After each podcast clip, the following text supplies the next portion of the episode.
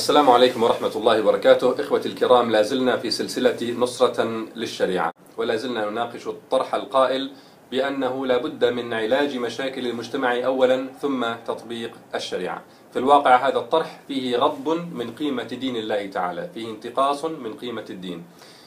فإن كانت القوانين الوضعية والحلول البشرية المناقضة للشريعة إن كانت تصلح حياة الناس وتقضي على مشاكلهم فما فائدة الشريعة إذن؟ هل يقصد بهذا الطرح أن علينا أن نصلح دنيانا بالقوانين الوضعية ثم نصلح آخرتنا بتطبيق الشريعة؟ وهل جاءت الشريعة إلا لصلاح الدنيا والآخرة؟ أليس منزل الشريعة سبحانه وتعالى هو الأعلم بما يحتاجه عباده في دنياهم ألا يعلم من خلق وهو اللطيف الخبير ألم ينزل الله تعالى الشريعة رفقا بالناس ومراعاة لضعفهم ولعلمه تعالى بأنهم لا يستطيعون أن يسوسوا حياتهم دون هديه قال تعالى بعدما فصل أحكاما من الشريعة في سورة النساء يريد الله ليبين لكم ويهديكم سنن الذين من قبلكم ويتوب عليكم والله عليم حكيم والله يريد أن يتوب عليكم ويريد الذين يتبعون الشهوات أن تميلوا ميلا عظيما يريد الله أن يخفف عنكم وخلق الإنسان ضعيفا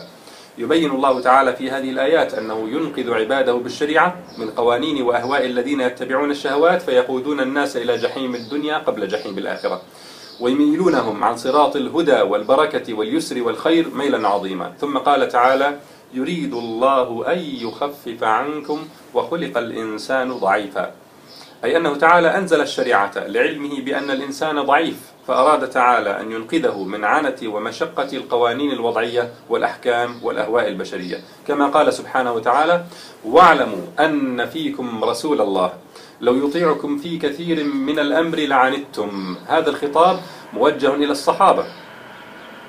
أنقى الناس قلوبا وأرجحهم عقلا وأقلهم هوا ومع ذلك يقول الله لهم أنه لو ترك نبيه يطيعهم في اختياراتهم لعنتوا أي لأصابتهم المشقة في الدنيا فما بالك بقوانين وضعية صاغها أناس لا نقاء قلب ولا تقوى لا يصوغون إلا عن هوى ومصالح شخصية أنريد إصلاح أوضاع المجتمع بقوانين هؤلاء